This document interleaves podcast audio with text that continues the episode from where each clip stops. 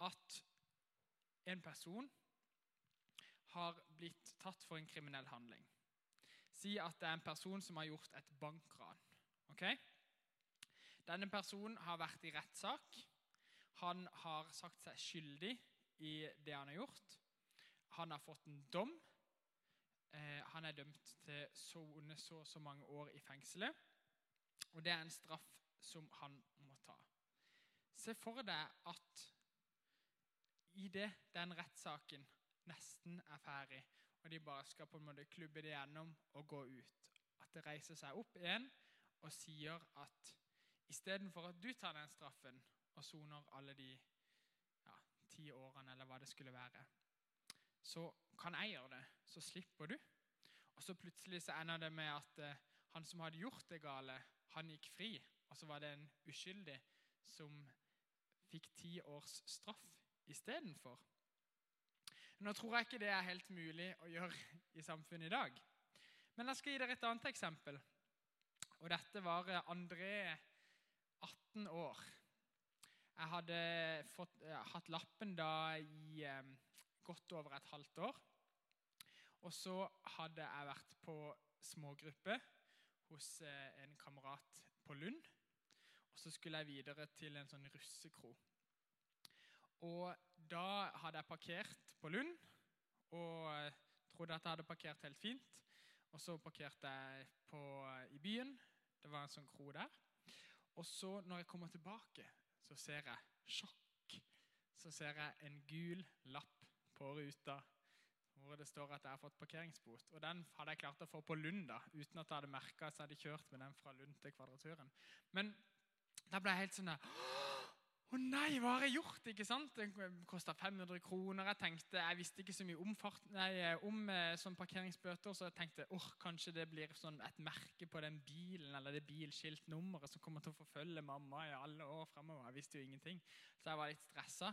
Så jeg kom vel hjem sånn i ett-halv to-tida eller noe. Eh, og så eh, banka jeg på liksom, på soverommet til mamma, så åpna jeg så sa jeg, du, eh, jeg fikk en parkeringsbot. Eh, litt sånn flau og bare sånn oh, ja, men jeg må bare si det. ikke sant? Og så sa hun å ja, stakkars deg. Legg han i veska mi, så betaler jeg han i morgen. Ikke sant? Og det var veldig veldig ufortjent. Egentlig så burde jo jeg betalt den sjøl og lært min lekse, men så var hun veldig snill og viste meg ufortjent nåde. At hun tok den regninga istedenfor meg. Og litt sånn er det når vi snakker om tilgivelse. At vi får tilgivelse ikke fordi at det var i utgangspunktet greit, det som vi gjorde, men Jesus har betalt den prisen som det kosta for at vi skulle få den tilgivelsen. I samfunnet i dag så er det ofte vi hører at 'du er god nok'. Og det er en veldig fin setning. Og hvis den setninga betyr at du er skapt unik, og at du er verd Guds kjærlighet og verd å elske, og at du er bra nok i deg sjøl, så, så er det helt riktig. Men hvis det betyr at du er perfekt, at du aldri gjør noe galt, så stemmer det ikke. Fordi vi vet alle at vi ofte gjør ting som vi egentlig ikke skulle ønske vi gjorde, som vi vet er det motsatte av det vi burde. Og Jesus, når han kom til verden, så kom ikke han bare for å fortelle mennesker at de var gode nok som de er, de var perfekte. Men han var opptatt av å møte disse menneskene og invitere dem med til et nytt liv og få en ny start. De menneskene som flokka seg rundt Jesus, var ikke perfekte folk, men folk som trengte en forandring i livene sine. Og For at vi skal vite liksom hva, hvor bra egentlig tilgivelse er, så må vi først vite hva synd er. Det gale som vi gjør. Synd er det navnet kristne gir alle handlingene våre som ikke er som de burde være det er når vi søker vår egen eller andres lidelse. Alt som fører oss vekk fra det gode livet som Gud har for oss. Det er en som eh, på engelsk som har sagt dette. Det er ikke mine ord, men han har kalt det at synd er the human propensy to fuck things up. Altså den menneskelige tilbøyeligheten til å ødelegge ting på pent norsk. Ok? Så det er egentlig synd. Det er det som er det gale i oss. Og Det er en del av vår menneskelige natur i alle mennesker. Og Så kan det være vi sier at ja, Men vi gjør jo stort sett gode ting. Vi gjør jo mye bra også. Men tenk dere en Pepsi Max-flaske som er liksom helt konge, men noen har bare åpna den og så putta to dråper med gift oppi. Det er jo nesten bare digg, god Pepsi Max, liksom balsam for sjelen, som dere vet.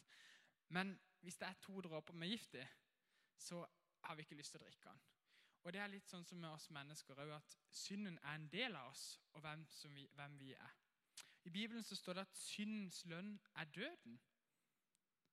Og Det betyr at det at vi gjør gale ting, vil til slutt egentlig føre til at vi en gang dør, og så er det slutten. Men så stopper ikke det her. Det står også at syndens lønn er døden, men Guds nådegave er evig liv i Kristus Jesus, vår Herre. For det var nemlig sånn at i starten, når Gud skapte mennesket, så var det sånn at mennesket var ment til å leve sammen med Gud. Gud skapte Adam og Eva som de første menneskene. De bodde i Edens hage. Alt var perfekt, alt var godt. Og de gjorde ikke noe galt. Fordi at de hadde ikke behov for å gjøre noe galt. For fellesskapet de hadde med hverandre og med Gud, det var nok. Men så måtte Gud la det være en mulighet å velge det onde og gjøre det som var galt. Og Derfor så var det ett tre i hagen som ikke det var lov å spise av. Og det var det de valgte å spise av, som gjorde at de ikke bare spiste en frukt, men de vendte seg vekk fra Gud, vekk fra det som var det gode, mot det som ikke var det gode som Gud hadde tenkt for dem. Og Det gjorde at ondskapen var en del av menneskenes hjerte, og som er en del av våre hjerter. Opp gjennom hele historien så har Gud prøvd å få tilbake menneskene. Kom tilbake. Dere skal få tilgivelse, dere skal få nåde, dere skal få lov å starte på nytt. Men så har det liksom vært en liten stund hvor menneskene har vendt seg tilbake til Gud. Og så vender de seg bare vekk igjen, fordi at det er så mye der som frister. Det frister å gjøre gale ting. Det frister å bare tenke på meg sjøl. Det frister, det frister, det frister. Så Gud måtte komme med en permanent løsning. Og det var jo det at sånn som denne her som tok straffen for eh, han som hadde rana, eller sånn som mamma betalte min parkeringsbot, så tok Jesus den straffen som var ment for oss, ved at han døde på korset. Og Så står det i Kolosserne 1.13-14. For han har fridd oss ut fra mørkets makt og ført oss over i sin elskede sønns rike. I ham er vi kjøpt fri og har fått tilgivelse for syndene. Og Det betyr jo at vi var egentlig i mørket. Vi var egentlig ikke ment til å liksom komme til himmelen, til å leve sammen med Gud for evig. Vi var i mørket. Men så istedenfor, når Jesus døde og tok den straffen, så ble vi kjøpt fri, og vi fikk tilgivelse. Så når oppgjørets time en dag kommer, så ser, Jesus, så ser Gud egentlig på Jesus og ikke på oss. Som betyr at vi kan leve evig og godt med Gud. Og så er det å be om tilgivelse til Gud noe som ikke vi bare gjør én gang i livet, og så er det Gud. Fordi at jeg kjenner i mitt liv at jeg ofte gjør gale ting. Daglig så kan jeg ha tanker eller ord eller ting jeg gjør som ikke er rett og som ikke er bra. Det tror jeg dere kjenner igjen. Og Det er kanskje noen ganger vanskeligst med de vi står aller nærmest, de næreste vennene og de i familien. ikke sant? Da kan det fort gå en kule varmt, og vi sier noe vi angrer på, eller vi gjør noe som ikke var bra. Men Gud, han tilgir. Gud, han møter oss alltid med nåde. Og Det er jo helt fantastisk. I utgangspunktet så var vi fortapte, men hver gang vi kommer og sier 'Gud, tilgi meg', så tilgir han oss. Og det er ikke sånn at vi kan bruke opp dette. At en dag så tar det slutt, liksom. Nei, nå har du gjort det og det og det og det. Så nå, nå er det nok, faktisk. Men hver eneste gang så tar Gud det bort. Og så er det som om han ikke kan se det lenger. Han kan jo selvfølgelig se synden, men han velger å se bort ifra det. En i Bibelen som virkelig får erfare dette, er en som heter Sakkeus. Og Sakkeus var en toller, en mann som ingen egentlig likte. For han var en sånn forræder i samfunnet. Han hadde eh, valgt å gå imot sitt folk for å hjelpe romerne, de som hadde okkupert Israel. Og Han var kjent for at han stjal av de han henta inn toller fra. så ingen likte han, men han hadde blitt veldig rik og samla seg masse penger. Men så får han et møte med Jesus. Og Jesus peker ikke først og fremst på at det og det er galt, men han viser sin kjærlighet. Og gjennom den kjærligheten så forstår Sakkeus at jeg trenger å gjøre opp for meg, jeg trenger å endre. Og han får en ny start. Og det er egentlig det tilgivelse er. Når vi ber Jesus om tilgivelse for de tingene som vi har gjort, tenkt og sagt, så får vi en ny start. Og det er utrolig godt. Jeg har sagt det mange ganger, men jeg sier det igjen. Over min eh, seng hjemme så står det 'nåde' med store bokstaver. Og det er en utrolig fin ting. Nåde betyr gratis. At vi får tilgivelse og en ny start gratis av Gud. At jeg hver kveld når jeg legger meg, kan vite at ok, ny nåde, ny tilgivelse.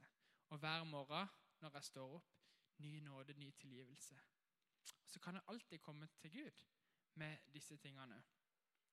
Og så er det én ting til med dette med tilgivelse. Det er ikke bare at Gud tilgir oss og møter oss, men det er også det at vi blir utfordra til å tilgi videre. Og det kan være vanskelig. Men det er en som har sagt det at å ikke tilgi er som å drikke en kopp med gift og håpe at den andre skal dø. For det å ikke tilgi, det gjør noe med oss. Og Derfor er Bibelen veldig tydelig på at vi skal prøve å tilgi. Sånn som Jesus har tilgitt oss, skal vi tilgi andre mennesker. Og Det betyr ikke at vi sier at det andre mennesker har gjort mot oss, er greit. Men det betyr at vi sier at vi velger å ikke lenger holde det mot dem. Det var ikke greit. Det blir aldri greit, det de har gjort, sagt mot oss. Men vi velger å tilgi og velger å ikke holde det mot dem lenger. For det er mye bedre for oss. For da blir det ikke som vi drikker en kopp med gift og tenker at den andre skal dø. Ikke sant? Så det er en utrolig fin ting med det å være en kristen. At vi blir tilgitt av Gud. Hver gang vi kommer til Han, så får vi en ny start. Og jeg kjenner at jeg trenger det. Jeg kjenner at jeg trenger det hver dag, hver uke, hele året. Og jeg er så glad for at det er en Gud som jeg kommer til, som møter meg med kjærlighet, men som samtidig utfordrer meg til å prøve å leve annerledes og leve godt. Men også når jeg feiler igjen, så kommer han og tilgir. Kjære Jesus, jeg takker deg for at du har gjort alt for oss. At du har betalt den prisen som egentlig vi skulle betale. Jeg ber Jesus om at vi skal forstå det, og at vi alltid kan komme til deg når vi har gjort, tenkt og sagt gale ting. Jeg ber om at vi skal forstå denne rikdommen der i å være tilgitt av det. og få lov å kunne leve evig sammen med det. Amen. Da skal vi høre en siste lovsang, og den handler egentlig om nettopp dette. Eh, ikke bombe.